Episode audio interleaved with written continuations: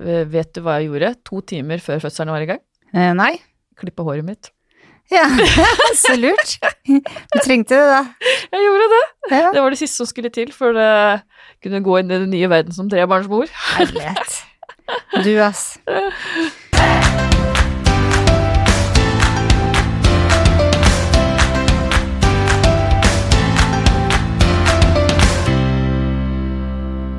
Velkommen til Hårpodden. Jeg heter Renate. Jeg heter Ann-Marit. Hvordan har uka di vært, Ann-Marit? Vi har jo vært på åpen stol, vi. Ja. Du, shit, det var skikkelig gøy. Det var det. Ja. Det var kjempegøy. Det var et skikkelig bra konsept. Det var akkurat sånn som jeg tenkte det skulle være. Litt sånn lite intimt med frisør, mange forskjellige typer frisører og Mingling. Ja. Mm. Og du sto jo ganske nært alt da. Så det var skikkelig sånn Ja, det var kjempekoselig. Nesten det beste syns jeg er at når du går og gleder deg til noe så innmari, Mm.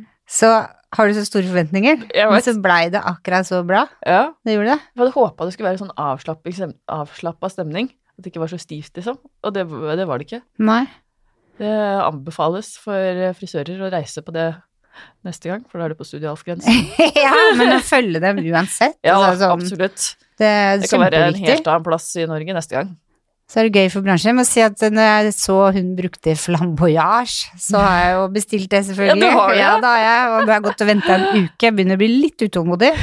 Samme med den herrenakkebørsten som det kommer sånn pudder ut av. Er lukter mann. Jeg vil ha den også. Ja. Så, men det har jeg ikke funnet hos noen leverandører ennå. Så da får jeg spørre dem neste gang jeg ser dem, tenker jeg. ja, Men hadde du ikke bestilt den? Nei, ikke nakkebørsten. Flamboyagen, ja. de foliene Ja. som er blanke med teip, de har jeg bestilt, ja. Ja, okay. Ja. Det går bare å trippe på. Få sende melding til den. ja, jeg tenkte faktisk at jeg skulle ringe henne i dag Ja. og høre hvor de blir av. ja, ikke sant? Ja. Men nå må vi ha med oss en gjest i dag, vi. Det har vi. Ja. Dagens gjest er ikke frisør, men spesialis spesialisert innen drift av salonger. Han holder foredrag og har skrevet boken Boost salongen, og har en podkast som heter The Grow Your Salon Fast Show. Går ikke salongen din helt på skinner, er dette mannen du bør kontakte. Velkommen til oss, Vegard Svanberg. Hei, takk for det. Hei, kan ikke du fortelle litt om deg selv? Ja, hvor skal jeg starte da? Vil du ha den lange versjonen, eller vil du ha den korte versjonen? En mellomversjon? Mellomversjon. For å være vrang. Eh, eh, Halden-basert og skyr arbeidslivet? Nei, eh, nei eh, korte basisfakta er at jeg er fra Halden eh, og har fire barn. Og så er jeg gift, og så ja, bor jeg der og trives der.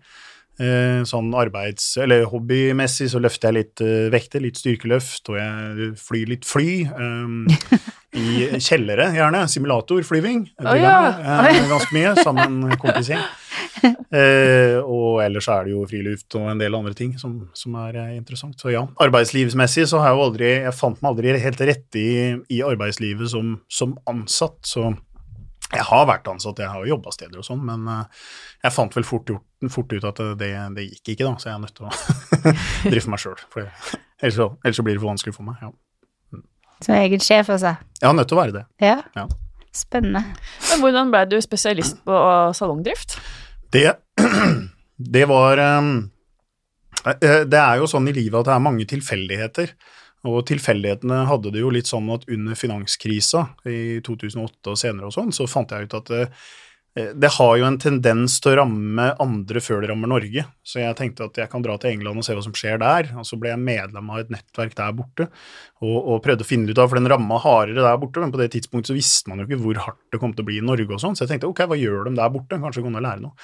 Og så ble jeg med i dette slags sånn eh, businessnettverk der borte, da. Og gjennom der så traff jeg jo folk som drev i forskjellige bransjer. Og en av dem jeg ble kjent med, var en som heter Cat Smith, som eh, på den tida drev salong på Notting Hill, og som på en måte hadde kjøpt en salong, og de første månedene virka dette kjempebra, og så begynte det å bli vanskelig. Eh, og så fikk vi jobba sammen rundt det en del, og da, da Det var den veien, da. Det var starten. Herregud, framoverlent. Bare dra til et annet land og lære om hva som skjer der, før Ja. det rammer oss. Det har jeg Ja. faktisk aldri hørt om før. Nei, men altså øh, øh, På det tidspunktet, altså, i og med at jeg også da drev for meg sjøl, så var man jo usikker. ikke sant? Hva skjer Mm. nå egentlig? Og sånn som det ble haussa opp i mediene, så, så var liksom det en tanke, da. Eh, og jeg hadde jo flaks, for jeg traff en del sånn riktige mennesker. Man kan jo treffe mye rart, ikke sant, men, men jeg var heldig da å komme med et veldig godt nettverk der. Så det har vært veldig bra. Så jeg har fått venner for livet i det nettverket som jeg stadig er og treffer. Mm. Men eh, ja, du ble kjent med henne som eh, drev salong, men liksom Var det sånn at du ble fascinert av hvordan salongdrift fungerte, eller var det liksom Det var Nei, det var flere ting, og, og um, eh, Parallelt med dette her så har jeg drevet i IT i mange år, og det gjør jeg fortsatt. Um, litt andre virksomheter. Og så fant vi ut der at vi, vi så på et å lage time ikke et vanlig timereservasjonssystem, men et mer sånn timereservasjonssystem som skulle hjelpe salongene å få litt mer fart. Altså at de, ikke bare at folk må booke sjøl, men at det systemet på en måte fylte opp kundene litt.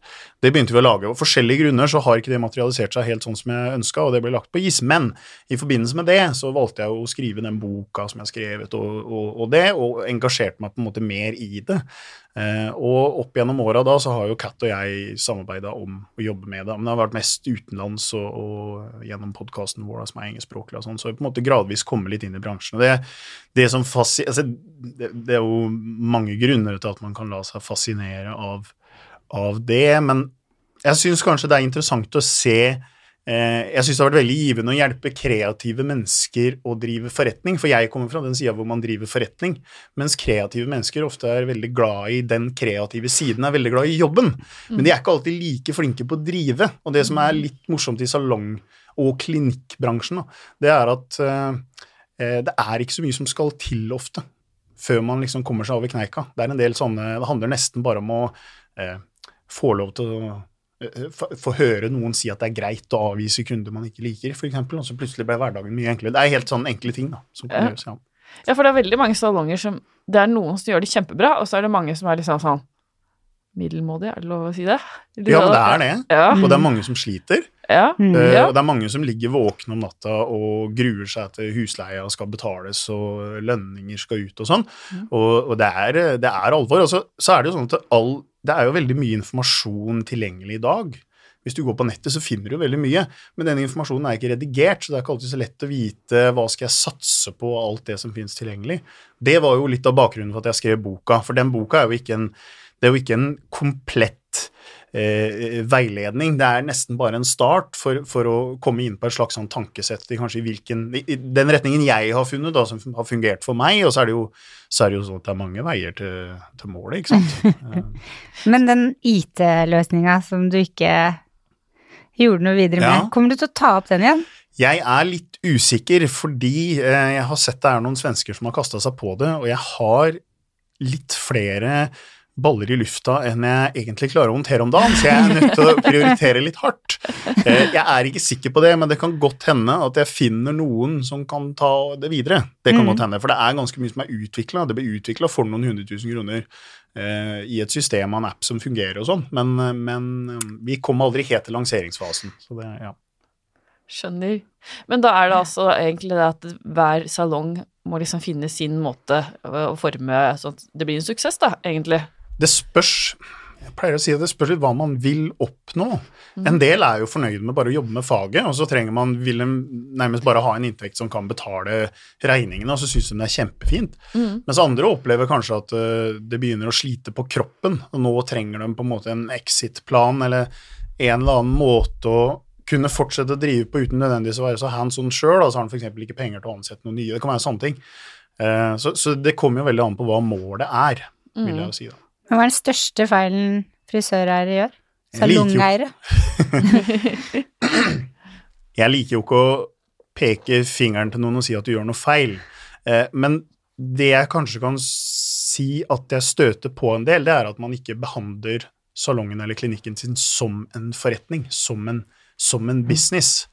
Eh, at det blir overlatt litt til tilfeldighetene. Jeg sier det litt sånn, litt sånn fleipete da i boka, at man låser opp døra om morgenen, og så, så tror man liksom at det bare skal ramle noen inn, og så henger man kanskje opp noen vindusplakater og setter en gatebukk og, og, og oppdaterer en Facebook-side, og så gjør man ikke noe mer. Og, og da er det klart, da blir det tøft. Hva mer skal til? Nei, det er et langt uh, uh, det, Nei, igjen, det kommer an på hvor du vil. Um, jeg, eh, jeg har jo noen tips. Jeg vet ikke om dere vil gå dit nå, eller om vi skal drøye de tipsa litt. Eh, men jeg vil jo si at det handler kanskje først om å finne ut, finne ut av hvor du vil. Mm. Det er noe av det jeg når, jeg når jeg jobber sammen med folk, så er før jeg i det hele tatt på en måte sier at jeg kan tilby noe som helst, så vil jeg gjerne ha dem på telefon. fordi jeg vil snakke med dem litt. Fordi jeg vil høre litt om hvor de er i dag, og så vil jeg høre litt om hvor de vil. Og det er litt viktig, fordi det er ikke før du vet at vi kan finne ut hvordan man skal komme seg dit. Jeg har så mange historier av salongeiere eh, som sitter og oppdaterer Facebook-sida si, og det er det de gjør av markedsføring. Men det, det, det er ikke nødvendigvis noen sammenheng mellom det og det å komme seg dit de vil. da, ikke sant? Hvis... så de blir bare sittende og gjøre en del uten egentlig å oppnå noe. Hvis jeg vil ha en salong som det er kø på utsida, fordi vi er så dyktige, du har ventelister med kunder, hva skal jeg gjøre? Hva skal du gjøre? For det er min drøm. Er det din drøm? Ja. Ja. Jeg pleier å si det også, at den største, ofte er den største faktoren kundene du allerede har. De aller fleste har en kundebase på et antall. Og hvis man begynner å titte på den kundebasen, så ser man ofte at det er eh, Det skiller seg gjerne ut. Du har noen som kommer veldig ofte. Eh, frisøren min forteller om en uh, felles bekjent som kommer hver 14. dag. Han har nesten ikke hår, men han skal ut på det likevel. Uh, og så har du noen som på en måte kommer sånn eh, en gang mellom seks og ti-tolv uker, og så har du noen som kommer mye sjeldnere. Og det er kanskje den, den kjepphesten min i bransjen, det er at man blir flinkere på det med gjenbooking. Og ta neste avtale når du først har dem i salongen. For allerede der så fyller man opp mye. Det er jo en del som opplever nå, nå er det litt sånn forskyvninger inne i bransjen, for det seg at folk har litt forskjellige stilleperioder. men den stilleperioden som kanskje går igjen, er litt sånn januar, februar, etter jul og nyttår, så er det liksom litt stille. Eh, Men samtidig så sitter man da på en kundeliste med folk som kanskje ikke har vært inne siden slutten av oktober-november. Så hvis man hadde tatt de bookingene, så det, det kan være vanskelig å huske på det når man sitter her i desember og det er kjempetravelt. Så, så er det liksom ikke så farlig, så kommer man til januar, og så er det stille. Det kan være litt skummelt. Så der, der har du ett svar, og så er det jo mange andre, mange andre svar også, da, som vi kanskje kommer litt tilbake til. Kan vi ikke bare ta de nå? Nå er Ja. jeg nysgjerrig. Ok, ja. Kjør på. Ja, vi kan det. Eh, nei, det er jo dette med at eh, jeg, jeg nevner det med, med avtaleboka. Det er på en måte én ting, at man kan se på de kundene man allerede har. Så er det sånn at man sitter på egentlig en, en slags liten gullgruve i de kundene fortsatt, som man kan bruke til å nå nye. Og det er det jeg sier med kanskje anbefalinger fra andre og den type ting, som ofte ikke blir satt i system. Man kan gjerne få det type på man ser det på sosiale medier eller TripAdvisor eller noe sånt, så ser man at folk legger igjen. Men ofte så blir jo det lagt igjen uten at det har vært noen sånn kjempe eh, At noen har bedt dem om å gjøre det. Men det som er veldig lett i salongen, det er jo f.eks. å ta før- og etterbilde fra de som sier ja. Det er bare å spørre. Men mange vegrer seg for å spørre òg, for det er litt sånn skummelt og litt sånn hva hvis de sier nei og sånn. Det verste som kan skje, er at de sier nei. Ja. Så tar du et bilde før og etter, og så, så er det kanskje mer meningsfullt å poste rundt omkring enn eh, linker eller bilder fra show og sånn, som kanskje ikke får kunden har så veldig mye å si. sant? Mm. Eh, Så er det også det med det, Noe vi testa i, i Notting Hill, det var jo dette med å verve venner. Og bruke nettverket uten å være pushy og pågående. Eh, og da tok vi eh, Cat fikk laga opp et sånn perforert Se for deg et dobbelt visittkort som er perforert på kortsida, så kan du rive det i to. Eh, og den ene delen kan du gi til en venn, og den andre delen beholder du sjøl. Og når den vennen da kommer inn og bruker det visittkortet, og du kommer med din del, og den på en måte er brukt neste gang, så får du et eller annet. Og jeg er ikke så veldig glad i å gi prisavslag eller sånne ting, men det kan jo være at det følger med noe, da, en sjampo eller balsam eller et eller annet. Det er noe de får ut av det Mm. for å få dem inn. For det er det som er vanskelig. Hvor ofte bytter folk frisører? Ikke veldig ofte, selv om de kanskje er misfornøyde òg, så de fortsetter å gå til den samme. Man må Ja, ha et eller annet insentiv til å du, Jeg har forresten noen jeg kjenner. Hun, hun skulle teste en ny frisør, eller om frisøren var borte, eller sånt, og så går hun inn, vet du, så hadde hun langt hår. Og så klippa han pannelugg, vet du. Uten at hun hadde bedt om det. Nei. Hun løp jo skrikende derifra. Ja, ja. Nei, det går ikke. Nei, det går ikke. Det er Ja, glad. hun løp ut og gråt. Eh, Derfor bytter du ikke frisør så ofte. Nei, hun bytta da. Ja. Men, eh, men det, er, det er faktisk sant, da. At fordi det handler om den der relasjonen som man har til kundene sine. Det at man kjenner eh, man tror, Ofte så tror man at det handler om pris. Jeg vet ikke hvor mange eksempler jeg har på salonger som klipper for det som jeg kanskje vil kalle under en norsk kostpris, altså.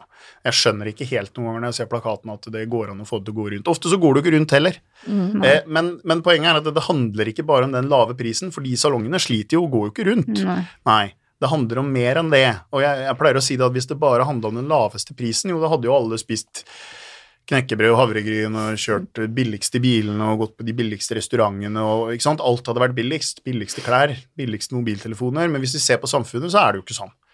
Eh, og det bringer meg egentlig over på det tredje, tredje jeg har å si om det, og det er å se litt på prisinga si, hvordan man priser seg. Jeg hadde en um, dame på tråden. Jeg skal ikke si eh, så mye mer enn at jeg hadde en dame på tråden, for da kan det hende noen kjenner igjen. Eh, så jeg vil ikke si så mye om detaljene, men det hun forteller, er at hun har det kjempetravelt. Hun har noen ansatte, og hun får det ikke til å gå rundt. Og Så begynner vi å se på tallene, og så stiller jeg litt sånn spørsmål om f.eks. Hva, hva er den rimeligste behandlingen du har, og hva er den dyreste behandlingen? Nå, nå husker jeg ikke tallene helt nøyaktig, jeg skal være litt forsiktig med å si det nøyaktige tallet òg, selv om jeg hadde huska dem. Eh, men la oss si at uh, hun sa at hun tok 500 kroner, at det var den billigste behandlinga, men den varte i to og en halv time. Og den dyreste behandlinga var rett over 1000 kroner, og Oi. varte enda lenger.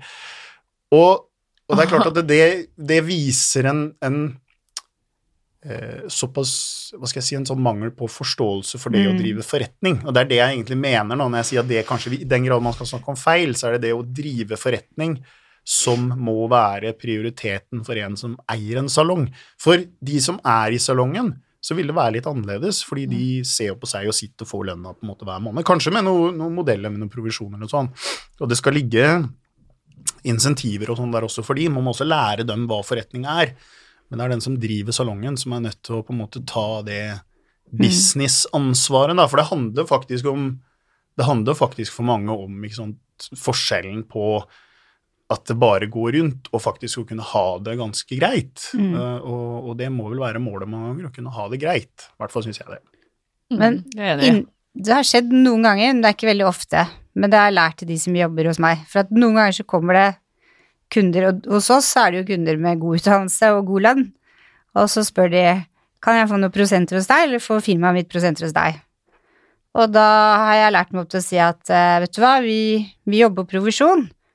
Så det du ber meg om, er at jeg skal tjene eller få mindre lønn. Og det blir vel ikke rettferdig. Og da blir de liksom flaue. Det er bare hva, jobber du på provisjon, er du ikke timesbetalt? Da slutter de å spørre om det. Ja. Men tenker du at noen ganger så må man, selv om man kanskje ikke burde si det, så er det greit å være ærlig på det. Jeg eh, har jo gått litt sånn til kamp mot rabatter og prispress, jeg, da. Mm. Eh, og det skyldes egentlig at problemet med en lav pris er at det fører deg inn i en nedadgående spiral som det ikke er så lett å komme ut av. Og det er ikke bra for kunden heller. For hvis du ikke tjener nok på det du gjør, så er det vanskelig for deg å gi kunden en god opplevelse, og det forsterker seg etter hvert. Og da blir du en del av denne prispressgjengen som på en Mm. måte sliter og har det vanskelig. Og det er ikke sånn at det nødvendigvis er lett å selge til en høyere pris heller, for du kan møte sånne situasjoner hvor du møter Men det de egentlig forteller deg, er at jeg vil ha det du leverer, men jeg vil betale det som han litt lenger ned i gata tilbyr det for. Men husk på han ned, lenger ned i gata, han kan ikke, han kan ikke gi, nødvendigvis gi det samme som det du gir, så derfor så blir han jo når du sier det du sier. ikke sant? Og det Mm. finnes mange måter å takle det, eh, det på. Det er ikke alltid så enkelt, men, men, men eh, eh, etter hvert så får man jo litt trening med det. Og så klarer man å si det med en sånn lite smil at det, det på en måte er det det koster. Og det, det de fleste pleier å gi seg det. Det viser igjen det at folk flest du har, jeg, Det finnes ikke noen nøyaktige tall på det her. Det er gjort litt sånne undersøkelser. Jeg, jeg pleier å si sånn et sted mellom kanskje 5 og 10% av befolkningen handler bare på pris. Eh, jeg kjenner jo en del sånne gjerriknarker som på en måte kun ser på pris, uansett hva det er. Og noen av oss kan jo være sånn nå, men jeg vil jo si at de aller fleste av oss er pris en del av vurderingen. Men det er ikke pris alene vi baserer det på, det er en del av det. Eh, og, og igjen så har du i andre enden av skalaen, så har du de som aldri bryr seg om pris. Jeg elsker jo det eksempelet til Cat fra den der salongen i Notting Hill, hvor det kommer inn en dame som snakka litt sånn gebrokken engelsk og var russisk. Så hadde hun et sånn derre Nå husker jeg ikke farta, men det så litt sånn atomoransje ut, tror jeg, det håret hun kom inn med. Og så ville hun ha blondt, mykt, saftig hår. Det var bestillingen. Spurte ikke om prisen. Ja. Og de tok på en måte det de syntes de burde ta, og satt i salongen i mange timer. Resultatet ble veldig bra. Altså, det var ikke en reaksjon da hun trakk kortene. Så du, du har på en måte den enden av skalaen Mm. nå, da. Mm. Um, så, men, men jeg pleier vel å si det at det å, å komme seg litt opp er kanskje bedre enn å gå ned. Fordi det å gå ned er så Det får så mange negative konsekvenser, da. Så er, Mm. vi har jo yrkesstolthet. Vi er stolte av det vi driver med, Mm. Det og hvor lenge vi har holdt på med det, og ja. Ja. Og da er det ekstra dumt hvis du skal drive og rabattere deg sjøl. Du får litt dårlig følelse av deg sjøl. Ja, du får det. Ja. Du nevnte det i stad med kø på utsida. Ja. Kan ikke love noen kø på utsida, da. Det er mange faktorer her. Men det var en annen ting jeg har lyst til å nevne i den forbindelse, som, som det kanskje ikke er så mange som tenker på. Jeg nevnte det med gjenbooking. Um, en annen kjepphest jeg har, det er det med hvert fall når man får noen inn for første gang, at man tar seg litt tid med dem, lærer dem å kjenne, og så får med seg litt av hva som skjer i livet deres. Og det er noe man både kan gjøre for nye og de som kommer, men spesielt viktig for nye, da, at man får dem inn i det opplegget. For i det opplegget så er det jo lett å spørre hva som skjer det neste året. Og så kanskje de forteller om sant, at de skal i bryllup til sommeren, eller, og så er det firmafest, eller de skal i julebord. Og så vips, da, hvis du begynner å se på den, så har du ja, men skal vi gjøre deg litt fin. Du kan komme innom, og så fikser vi hår og litt sminke og sånn før du skal ut på den firmafesten eller på det jobbintervjuet eller hva du har for noe. Så kommer du innom, og så ordner vi det. Og svaret da er jo ofte ja. ikke? Ja. For det vil de jo, for de syns det er bra. Men det som skjer i praksis i de aller fleste tilfellene, det er jo at eh, de står hjemme på badet dagen før og kommer på at de kanskje plutselig ser at sant, et eller annet. Og da kan, Det er en måte hvor salongen kan vise at man bryr seg mer om dem på en måte som de også setter pris på, og som gjør dette prisaspektet litt mindre, mindre relevant. Um, vi snakka om det med stille perioder i stad. Uh, jeg syns uh, en øvelse en øvelse jeg skriver ut av og til.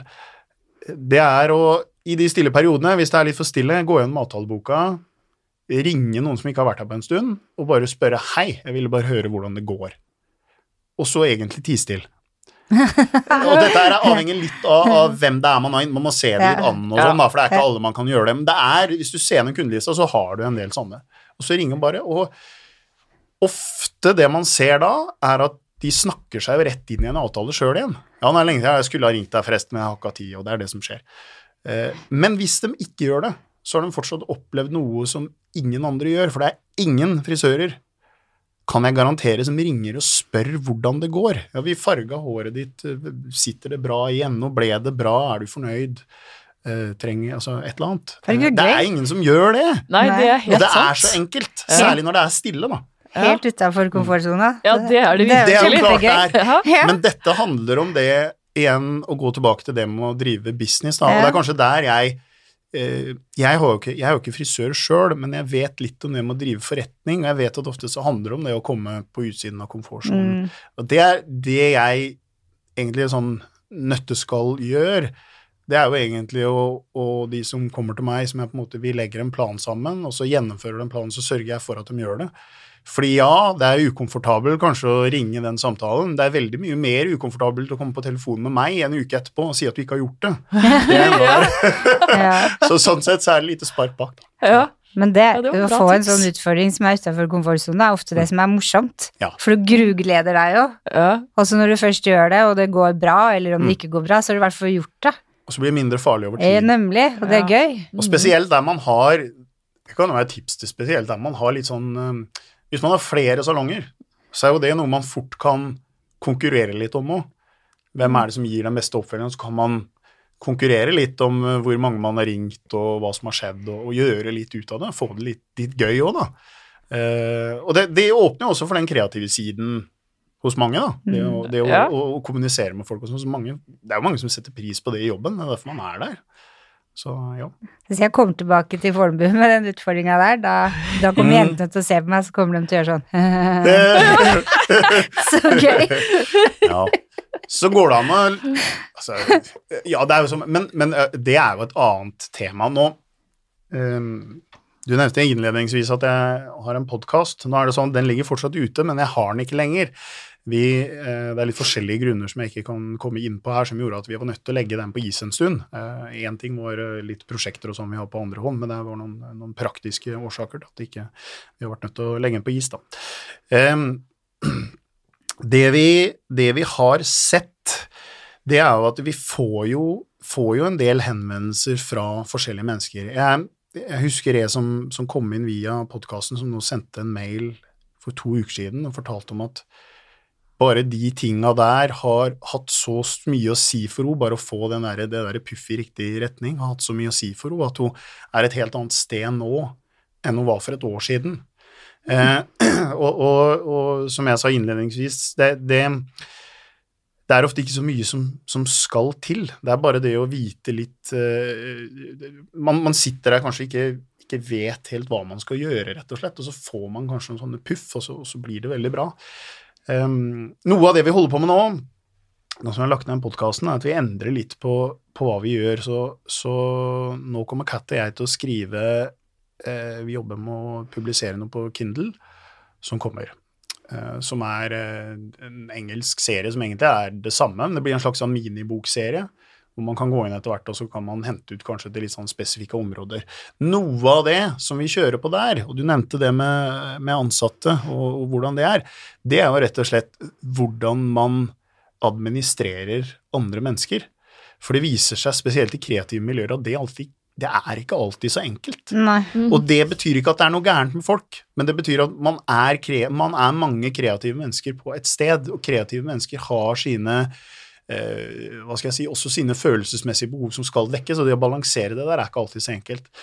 Men det som, det som finnes, er jo systemer og måter å gjøre det på, så man, man gjør det litt morsomt, sånn som vi snakka om i stad. Det å ringe rundt og gjøre det på en måte som, som også gir noe mer, da. Det er lett å, ikke sant det man ofte gjør, er å si at du skal få så og så mange kroner per booking. Ja, men hvor motiverende er det egentlig? Det er jo ikke alltid så veldig motiverende. Det er mer motiverende det å faktisk høre noen som er takknemlig i den andre enden, og kanskje at man har en givende samtale. For mm. mange er det mye mer motiverende enn å få de ekstra kronene på konto. Mm. Mm, det er sant. Eh, du, men du eh, har litt spesialisert deg for hvordan lederne skal drive sine salonger, du har, du, men du har ikke noe med liksom de ansatte å gjøre? På en måte? De som bare er frisører? så jeg har jo ansatte selv i virksomhetene mine, ja. eh, og, og, jeg vet jo litt om hvordan man administrerer ansatte, skal ikke jeg påberope meg å være noen ekspert på det. Mm. Eh, eh, det jeg har vært litt inne på i salongene, det er mer fra den administrative, administrative siden hvordan lederen skal håndtere en del ting. For det er en del um, skal ikke si så mye om kjønnsroller og sånn, man ser vel kanskje ofte at hvis det f.eks. bare er damer i en salong, så hender det noen ganger at det blir en del eh, internt eh, Det kan bli litt intern kjekling og sånn. Og, og jeg, jeg, har ikke noe Jeg vil ikke si, gå inn på noen kjønnsdiskusjoner og sånn, men jeg har bare i hvert fall observert at ofte i blanda miljøer så har det vært litt roligere. Ja. Og så vet jeg ikke hvordan rene mannlige miljøer er, for det har jeg ikke sett, så jeg kan ikke si, men det virker som blanda miljøer Og så er Det er det, det samme der, rene mannlige miljøer. Gå, ja, ikke sant, det kan godt hende. Det kjenner ikke jeg til. Men eh, det man vet, er at det, det fins jo måter å håndtere sånne ting på. Mm. Eh, problemet er når det bare får skure og gå, og man er, liksom, man er en kreativ leder og man bryr seg egentlig mest om faget, og det er kjedelig den der kjeklinga, men så pågår det på en måte kanskje også Vet man ikke hva man skal gjøre, og så kanskje smeller det, og så blir det litt drama. Altså, det, det, er ikke mm. hyggelig for noen, sant. Så, så det fins jo måter å gjøre det på også, men jeg, har ikke, jeg går ikke inn eh, og snakker med ansatte. Så for min del så går det på liksom lederne, hvordan de håndterer det, da. Mm. Eller være en hjelp sånn i bakgrunnen. Ja. Mm. Men hvis du ikke tar tak i det, så er du basically en struts.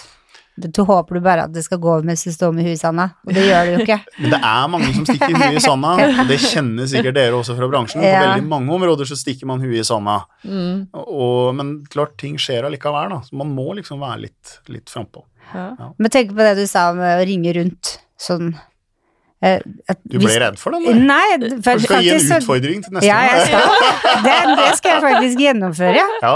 Men jeg tenker at det Jeg skal best... spørre deg neste episode. Ja, gjør det. For at, eh, at pengene ikke er motivasjon. Hvis de får kunder til å booke, så får de penger uansett. Yes. Men motivasjonen må jo bli å tørre å gjøre noe som er ubehagelig. Ja. Og tørre å se at det er ok. Ja.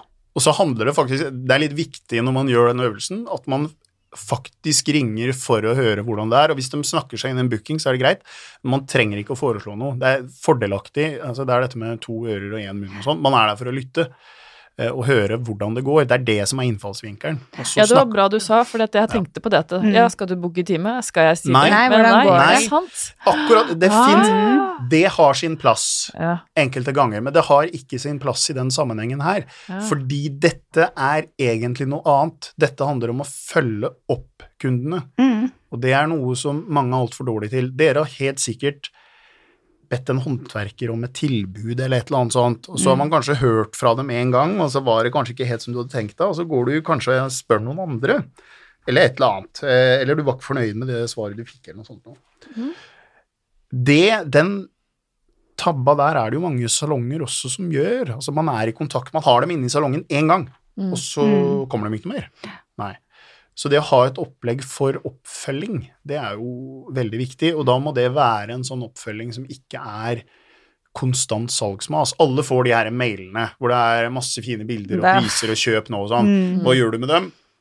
Gidder ikke å lese dem, og så melder du deg. Mm. Men det er ikke så mange som får eh, litt mer sånn personlige mailer fra noen som er der og spør hvordan det går, og, og velger den innfallsvinkelen Mm. isteden. Er Eller om man sender dem noe i posten. jeg vet ikke, altså Hvis man har noen inne da, åtte-ti ganger i året, så har man jo ofte margin nok også til å kunne sende et bursdagskort eller et eller annet som er noe mer enn bare noe sånn kjipe digitale greier. Mm. Sant? Det er veldig mye sånt som går an å gjøre, som, som, som veldig mange ikke som er den store forskjellen. Eh, Jeg bruker pappa som eksempel noen ganger. Han, eh, han er jo egentlig litt sånn gjerrigknark, som jeg snakka om. Men han har blitt så glad i bilverkstedet sitt. Og det starta med at de vaska bilen hver gang de var på service. Det jeg tror pappa ikke vet, er at de vasker den fordi de skal ha sånn lakkontroll, da må bilen være ren. Men de har vaska bilen, da. Jeg synes Ja, var kjempefint. da blir ble han glad. ja. Og så er det det at de har store glassruter, så de kan se inn i verkstedet hva gutta holder på med. Det syns han er kjempefint. Da blir han der. Det er nok for han. sant? Ja. Og det er ofte ikke så mye som skal til altså, i salongene heller, for å få folk til å bli. Det enkle er det beste, altså. Er det ikke ofte? Ja, sånn som Doffen er daua. Syns ofte det er eh, Men vet du hva? Jeg skal ikke Nå har jeg sagt en del ting om hva som går an å gjøre. og det er, det er veldig enkelt å sette seg ned og komme opp med en lang liste av hva man kan gjøre. Mm. Men så handler det også om å vite eh, hvordan man gjør det, og så handler det om å vite når man skal stoppe. Eh, og eh, eksempel på ting som er veldig tidkrevende og som er enkelt å gjøre, er jo ikke sant, oppdatere Facebook-sida si. Veldig enkelt. Veldig mange gjør det. Veldig mange bruker timevis på Facebook. Men det er også veldig mange som ikke måler resultatene eller vet i det hele tatt om det har noe å si i det hele tatt. Og antageligvis, kanskje for de aller fleste, kunne man stengt Facebook-sida i morgen, så hadde ingenting skjedd. Nei. Nei. Og det handler om å også vite om det man gjør, virker.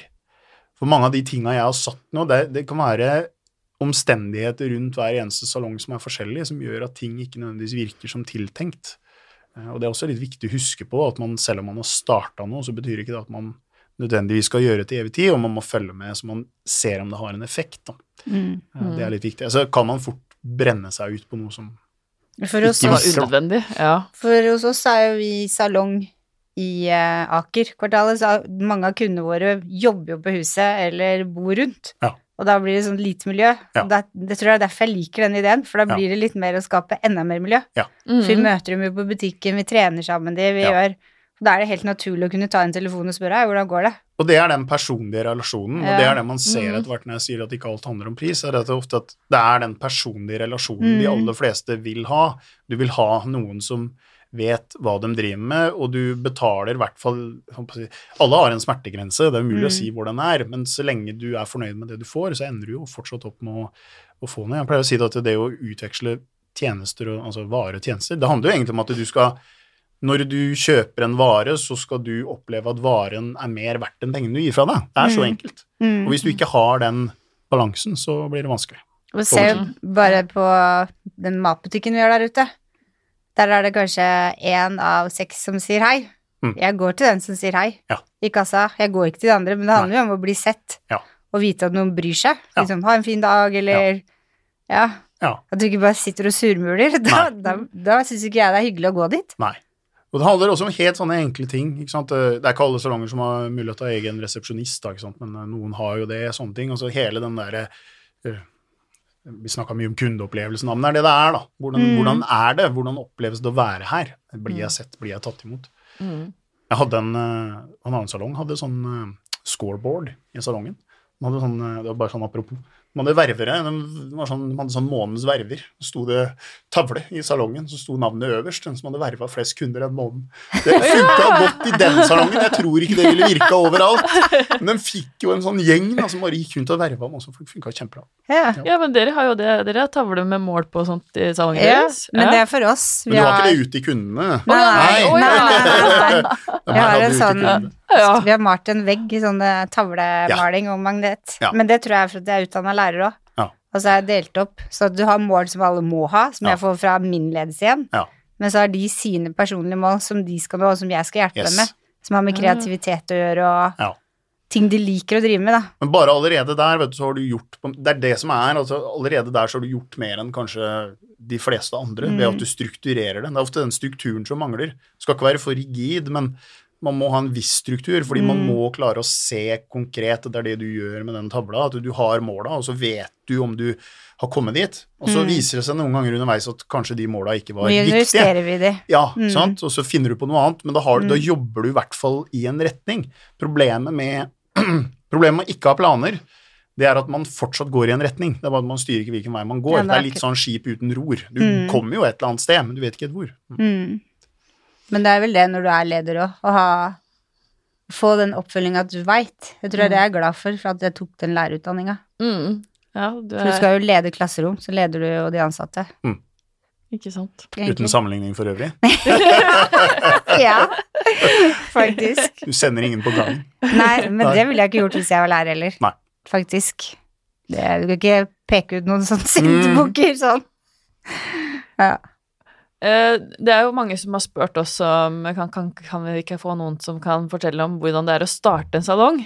Og nå har du kommet med mange bra tips, men eh, det høres ut som nesten de burde booke deg før de starta salongen i det hele tatt. Mm. Vet du hva, jeg, ja, eh, jeg må være tydelig på det. Jeg jobber ikke med nystarta, eh, fordi der jeg kommer inn, er de som på en måte har noe som er oppe og går. Det har litt med å gjøre at jeg må også prioritere hva jeg jobber med. Eh, så nystarta og sånn jobber jeg ikke med, men jeg jobber med de som er i gang, da. Ja, okay. Men jeg, jeg forteller gjerne, og jeg har vært på jeg var Rett før sommeren så var jeg på, holdt et foredrag for en, en forsamling hvor en del av dem også skulle starte og fikk med seg mye på veien. Men det er ikke min hovedgreie, er ikke å hjelpe folk å starte, da. Det er mer det å drive noe man allerede har. Og holde okay. på noen år. Ja. ja, det var greit Ja. å få sagt. Ja. Jo, men det er også litt sånn viktig å tenke på. Da har vi det med målgruppe igjen. Min Mm. målgruppe er de som Mm. har drevet en stund. Mm. Alle salongene har også sin målgruppe. Du nevnte uh, Aker, ikke sant. Mm. Uh, der har du din målgruppe, og da vet du, når du vet hva målgruppa di er, så vet du hvordan du når dem. Mm. Sant? Uh. Men jeg syns målgruppa vår har blitt større og større jo lenger vi har vært der ute. Så kjenner vi at du hadde ikke åpent på lørdager først, da satset du bare på kontoret, men så vil vi ha de som begynner å flytte inn i husene rundt. Da åpner vi lørdager. Men da har du flere målgrupper. Ja. og da går jeg der. Ja. Ja.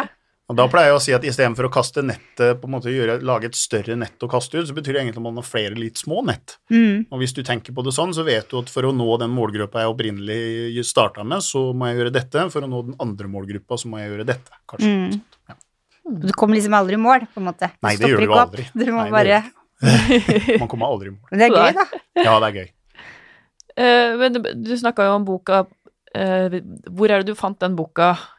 Du har jo en bok som du går inn og bestiller, men du jobba med noen andre som skulle komme ut. De kommer på Amazon Kindle.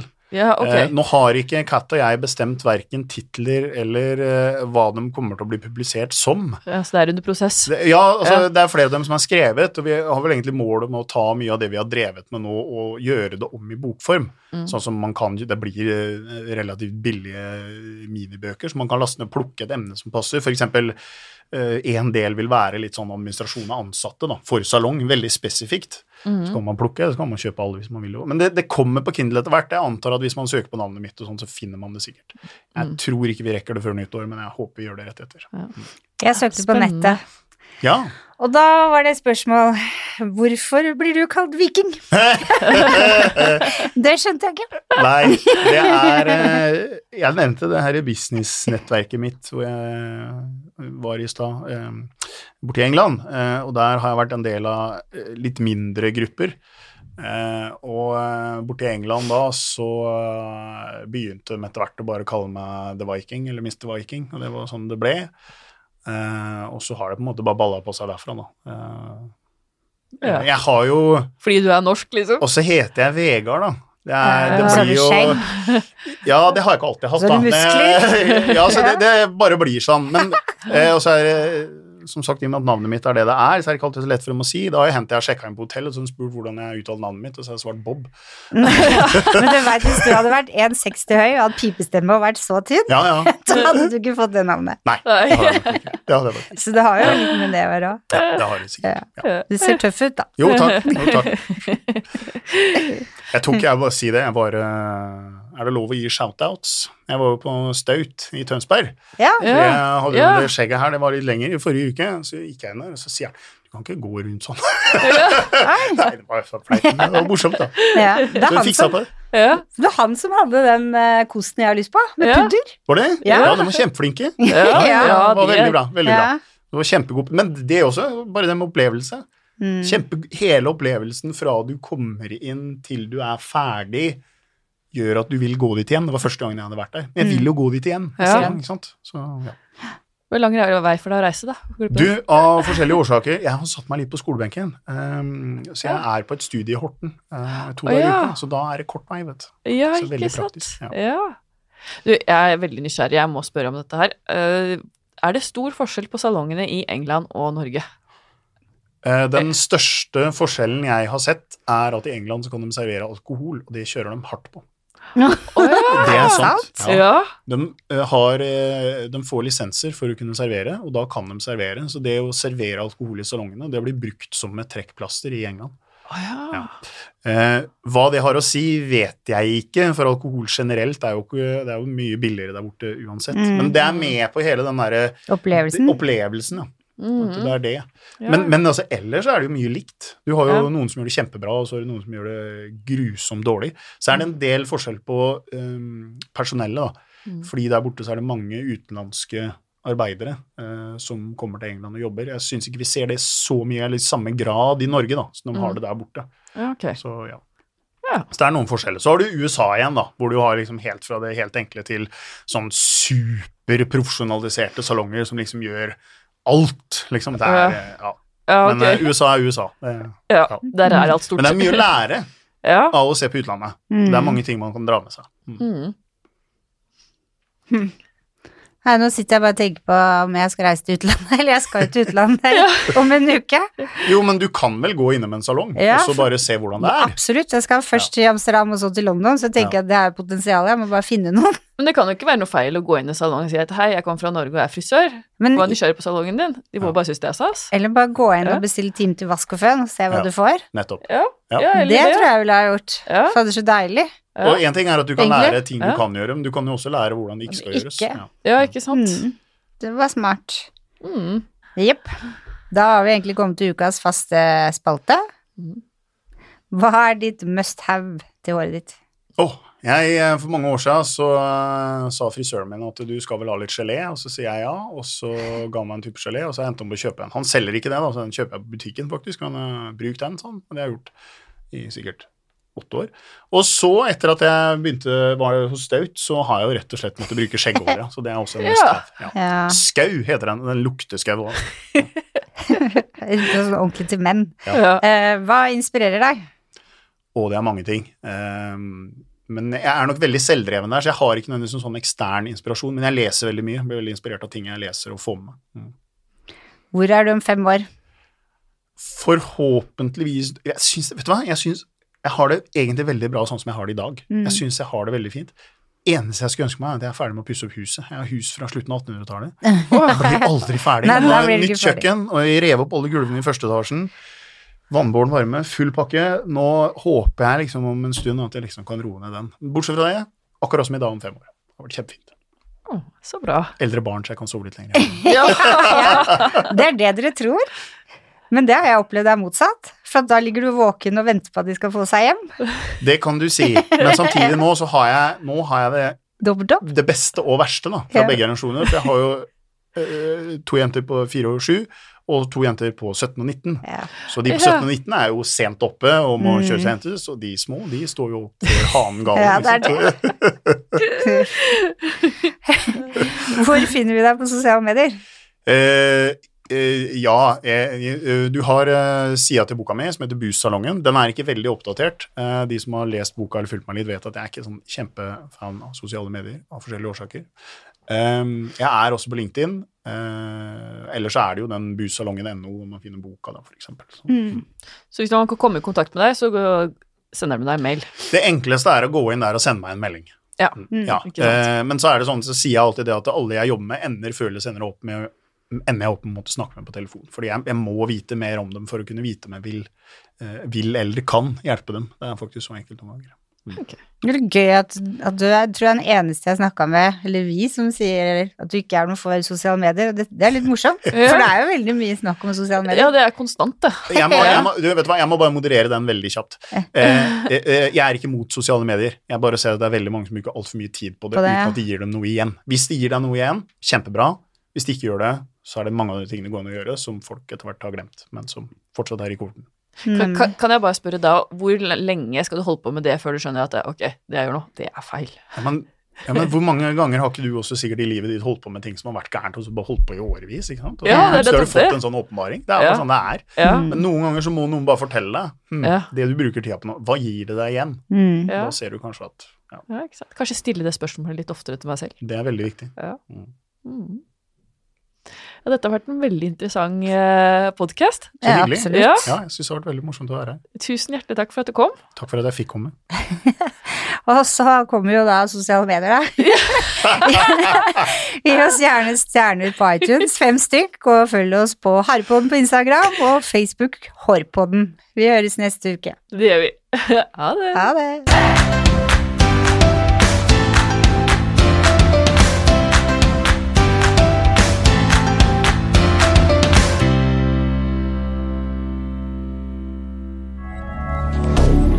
Moderne media.